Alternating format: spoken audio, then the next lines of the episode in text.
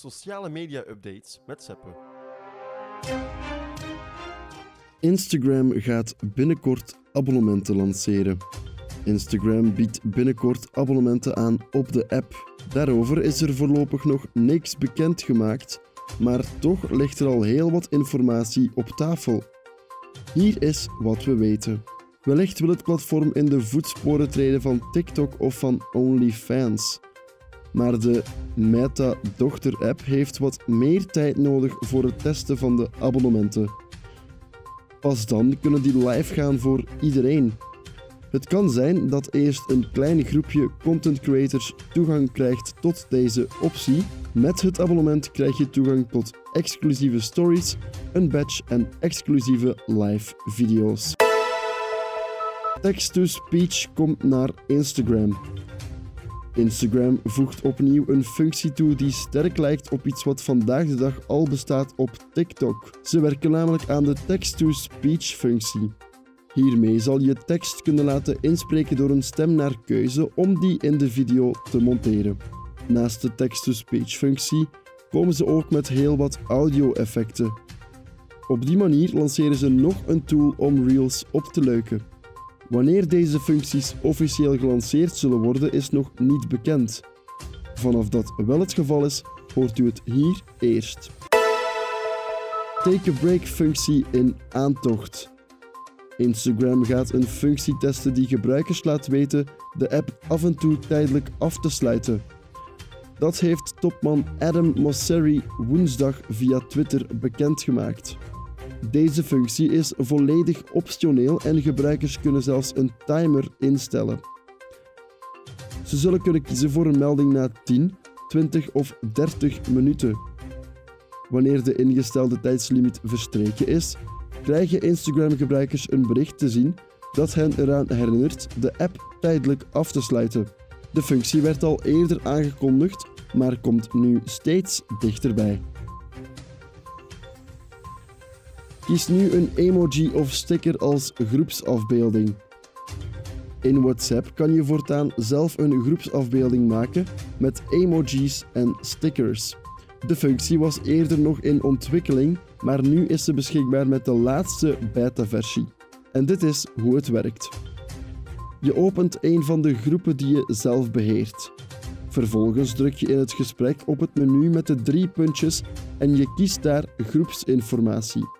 Je tikt daarna op de huidige groepsafbeelding en je drukt dan bovenaan op het bewerk-icoontje. Je kan een effe achtergrondkleur selecteren om daarna een emoji of sticker naar keuze als groepsafbeelding te nemen. Verder is het mogelijk om met je eigen custom stickerpakketten aan de slag te gaan. Wanneer deze functie officieel gelanceerd wordt, is nog niet bekend. Laatst gebruikt functie binnenkort verdwenen. WhatsApp gaat gebruikers meer controle geven over wie er kan checken wanneer zij de app voor het laatst geopend hebben. Gebruikers kunnen dat al deels regelen wie dat kan zien dankzij de knoppen Niemand, Iedereen of Alleen eigen contacten. En straks komt daar een vierde optie bij, namelijk Mijn contacten behalve. Het is nog niet bekend wanneer deze functie realiteit zal worden. Betalen op WhatsApp komt weer dichterbij. WhatsApp wil de betaalmogelijkheden in de chat-app breder gaan uitspelen. Betalen binnen WhatsApp kon alvast in Brazilië en in India en nu lijken de Verenigde Staten aan de beurt. Maar daar stoppen de ambities van Meta niet. Als betalingen in WhatsApp straks verder beschikbaar worden, dan gaat de berichtendienst opeens meer lijken op zijn Chinese concurrent WeChat. In China is het heel erg populair om vanuit een dienst binnen de chat-app ook in winkels te betalen. Wanneer deze functies naar België en Nederland komen, is voorlopig nog een raadsel. Vanaf het gelanceerd wordt, hoort u het hier eerst. Twitter Blue breidt verder uit. Twitter heeft zijn eigen betaalde dienst Twitter Blue nu ook in de Verenigde Staten en Nieuw-Zeeland geïntroduceerd. Twitter Blue werkt voor het algemeen hetzelfde als de gewone gratis versie van Twitter. Maar het biedt daarbij wel enkele extra's.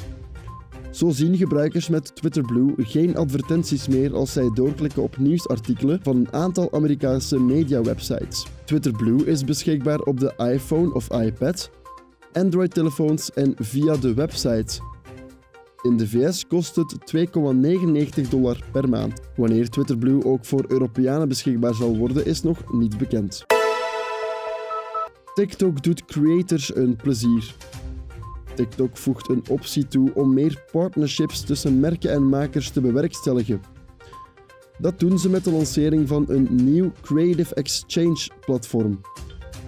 Hiermee kunnen merken een campagne opzetten waarop makers kunnen reageren en deals voor gesponsorde content kunnen sluiten.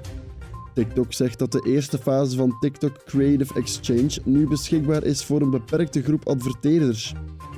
Merken en makers kunnen hier meer informatie vinden en meedoen aan het pilotprogramma. Dislike-functie wordt aangepast op YouTube. YouTube heeft aangekondigd dat het de manier waarop dislikes worden weergegeven gaat aanpassen. Het aantal dislikes wordt privé gemaakt om misbruik van de optie te beperken. Deze wijziging komt er na aanvallen op gebruikers waarbij de dislike-optie is gebruikt om de prestatie van een video te schaden. YouTube zegt dat de makers nog steeds het exacte aantal dislikes kunnen vinden in de YouTube Studio. Dus het feedback-element blijft toegankelijk. Het is een logische maar belangrijke stap voor het platform. Dislikes kunnen namelijk heel wat impact hebben. Binnenkort adverteer je niet meer op ras of religie. Meta, het moederbedrijf van Facebook, WhatsApp en Instagram, gaat bedrijven verbieden om nog langer gericht te adverteren op gevoelige advertentiecategorieën zoals ras, religie en politieke overtuiging. De wijzigingen gaan in vanaf 19 januari 2021. Dat heeft Meta bekendgemaakt. De wijzigingen in Meta's advertentiebeleid komen er nadat er al langer kritiek is op het bedrijf. Een groot aantal adverteerders zou hiervan misbruik maken en bepaalde kwetsbare groepen discrimineren of juist gaan targeten. Maar dat is binnenkort dus niet meer mogelijk.